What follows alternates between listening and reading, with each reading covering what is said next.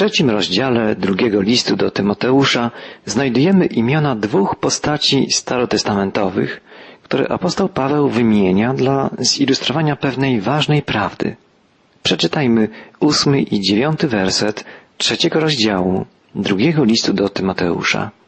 Kiedyś Jannes i Jambres przeciwstawili się Mojżeszowi.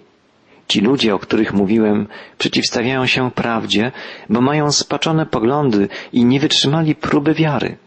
Tacy daleko nie zajdą, bo ich głupota wyjdzie na jaw wobec wszystkich, tak jak to stało się z tamtymi dwoma.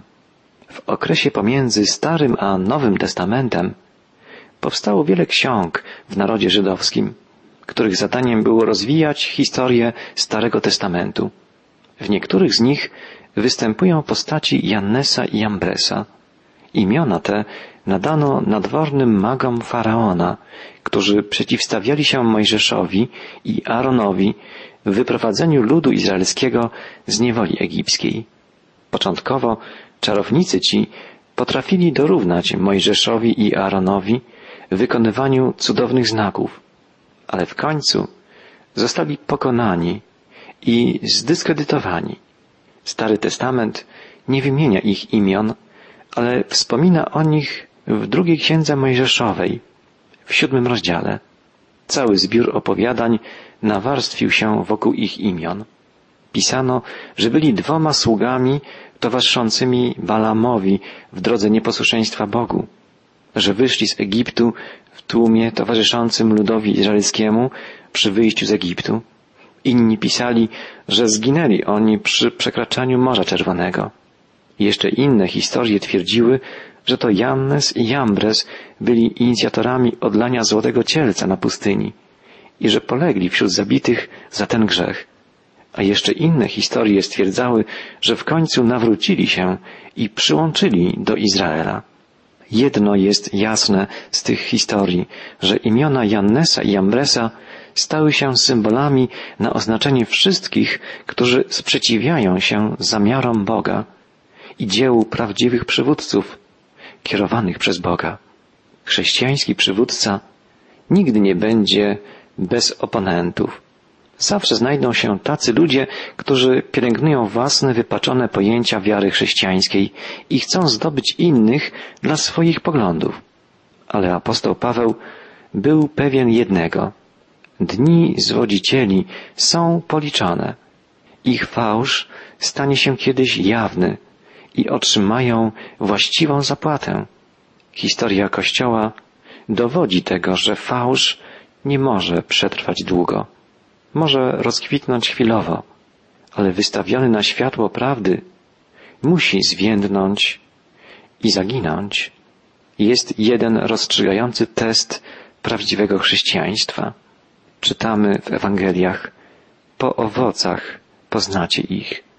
Najlepszym i właściwie jedynym sposobem na przezwyciężenie fałszu jest życie, w którym piękno prawdy widoczne jest w autentycznej miłości, okazywanej przez chrześcijanina wszystkim bliźnim.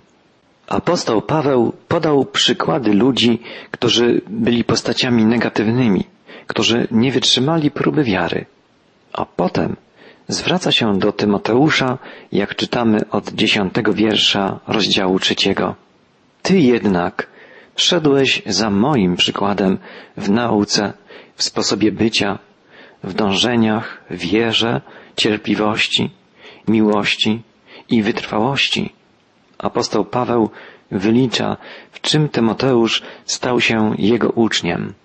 Wykaz ten jest bardzo interesujący poprzez to, że składa się z wątków, z których utkane jest życie i praca apostoła. Znajdujemy w nich obowiązki, kwalifikacje i przeżycia apostoła. Po pierwsze, w wykazie tym znajdujemy obowiązki apostoła, a więc nauczanie. To przede wszystkim. Nikt nie może uczyć tego, czego nie zna. Dlatego, zanim ktoś zacznie innych uczyć o Chrystusie, sam musi najpierw go poznać. Prawdziwe nauczanie zawsze pochodzi z prawdziwego przeżycia. Do obowiązków należy również ćwiczenie. Życie chrześcijanina nie polega w pierwszym rzędzie na tym, co się wie, ale bardziej na tym, kim się jest. Obowiązkiem apostoła, jak jego ucznia i każdego chrześcijanina jest nie tylko mówienie ludziom prawdy, ale dopomożenie im w jej zrozumieniu i stosowaniu.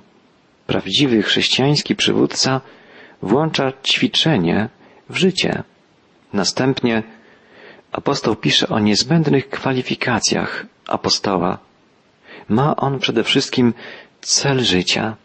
Jako jednostki powinniśmy czasem zadać sobie pytanie, jaki jest cel mojego życia? Jako nauczyciele powinniśmy czasem zapytać też siebie, co pragnę osiągnąć z ludźmi, których nauczam? Co ma być celem ich życia? Jako członkowie Kościoła Chrystusa powinniśmy stawiać sobie pytanie, co staram się uczynić dla bliźnich w Kościele?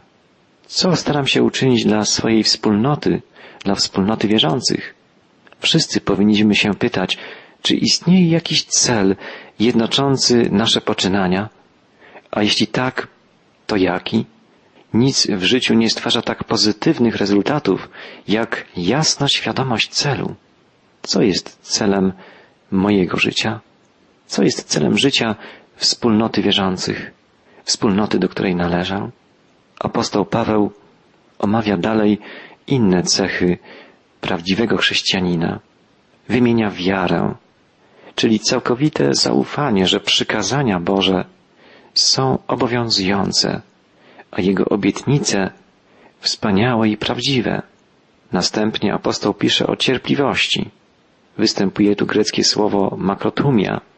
Normalnie oznacza ono cierpliwość, po prostu. Ale jest to też zdolność nie tracenia cierpliwości wobec ludzi głupich, nie denerwowania się, kiedy nie można ich niczego nauczyć. Jest to zdolność przyjmowania głupoty, także przewrotności, zaślepienia, niewdzięczności ludzi, pozostawania uprzejmym i pracowania nadal nad nimi. Następnie apostoł wymienia miłość, która jest najważniejszym Bożym usposobieniem wobec ludzi. Jest to więc postawa znoszenia wszystkiego, co ludzie mogą uczynić bez gniewu, bez uczucia urazy. Jest to zabieganie o to, co dla bliźnich najlepsze, przebaczanie im, troszczenie się o nich, słowem postawa, do jakiej uzdolnić nas może jedynie Bóg, który jest miłością. W słowach apostoła znajdujemy echo jego osobistych przeżyć. Paweł chce podkreślić, że jest dumny z Tymoteusza, że idzie w jego ślady, mimo że wie, jak wiele go to może kosztować. Pisze, idziesz za moim przykładem, Tymoteuszu, w znoszeniu prześladowań i cierpień, jakich doznałem w Antiochii, w Ikonium i w Listrze. Jakież tam prześladowania znosiłem, a jednak z tego wszystkiego Pan mnie wyratował. Tak więc każdy, kto chce żyć po Bożemu w jedności z Chrystusem Jezusem, będzie musiał znosić prześladowania. A źli ludzie i oszuści będą brnąć coraz dalej w tym, co złe, wprowadzając w błąd innych i samych siebie. Najpierw apostoł pisze o cierpliwości. Greckie słowo, które tu znajdujemy w liście, to hypomene. Nie oznacza ono biernego znoszenia przeciwności, ale zwycięskie wychodzenie im naprzeciw. Także nawet zło może być obrócone na dobro. Cecha zwycięskiego znoszenia przeciwności jest potrzebna, dlatego że istotnym składnikiem przeżyć apostoła i każdego prawdziwego ucznia Chrystusa jest prześladowanie. Apostoł Paweł podaje trzy przykłady, w których musiał znosić cierpienia dla Chrystusa. Był wygnany z Antiochii Pisydyjskiej, musiał uciekać z Ikonium, aby uniknąć linczu i został ukamienowany w listrze i porzucony jako martwy. Znamy tę historię także z opowieści Księgi Dziejów Apostolskich. Tutaj krótko apostoł je wspomina. Wprawdzie wszystkie te wydarzenia miały miejsce zanim młody Tymoteusz wkroczył zdecydowanie na drogę chrześcijaństwa, ale działy się w rodzinnych stronach Tymoteusza. I nawet mógł on być ich naocznym świadkiem. Może świadczyć o odwadze i poświęceniu Tymoteusza fakt, że będąc świadkiem tego, co spotyka apostoła, nie zawahał się połączyć swój los z Pawłem, swoim nauczycielem i duchowym ojcem. Apostoł Paweł jest przeświadczony, że prawdziwy naśladowca Chrystusa nie może uniknąć prześladowań. Kiedy na Tesalończyków spadły doświadczenia, apostoł Paweł napisał do nich, gdybyśmy byli u was, przepowiadaliśmy wam, że będziemy uciskani, co się też stało, jak wiecie o tym. A więc mówi, jak gdyby ostrzegałem was zawczasu. Nic dziwnego, że przechodzicie przez prześladowania. Po pierwszej podróży misyjnej powrócił, aby odwiedzać założone przez siebie wspólnoty. Pisze, utwierdzałem duszę uczniów i zachęcałem, aby wytrwali wierze. I mówiłem, że musimy przejść przez wiele ucisków, aby wejść do Królestwa Bożego. Tak czytamy w Księdze Dziejów Apostolskich w rozdziale 14. Paweł doświadczał tego w całej pełni. Za królestwo trzeba zapłacić cenę. Sam Jezus Chrystus powiedział, błogosławieni, którzy znoszą prześladowanie dla sprawiedliwości.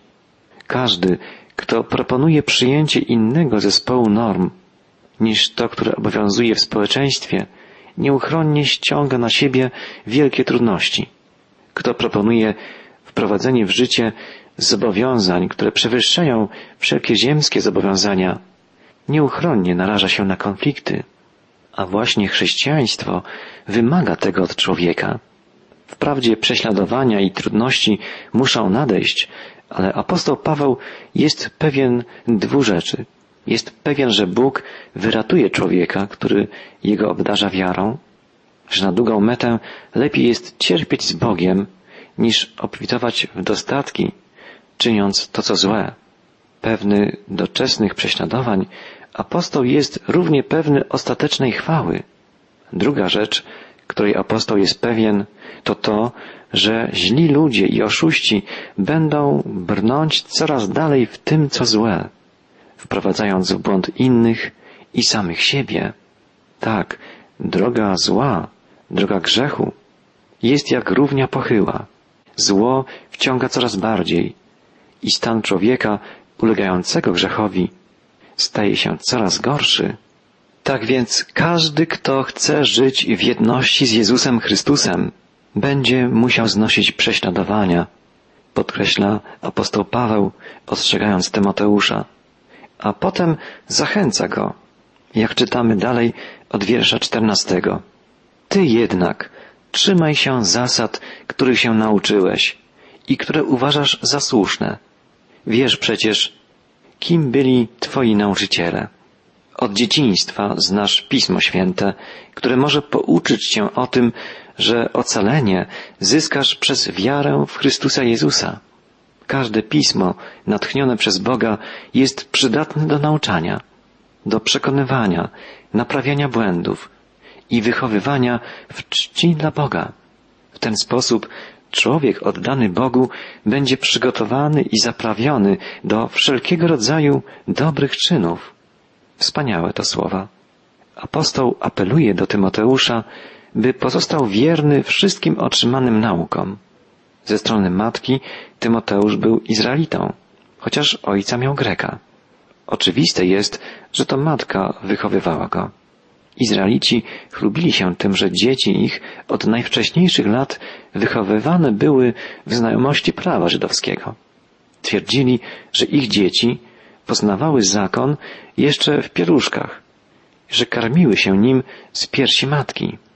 Religijni Żydzi chlubili się, że prawo do tego stopnia jest wpisane w serce i umysł dziecka żydowskiego, że prędzej zapomniałoby ono swego imienia niż prawa.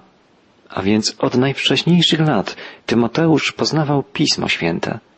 Musimy pamiętać, że pismo, o którym wspomina apostoł Paweł, to Stary Testament. Nowego Testamentu jeszcze wtedy nie było.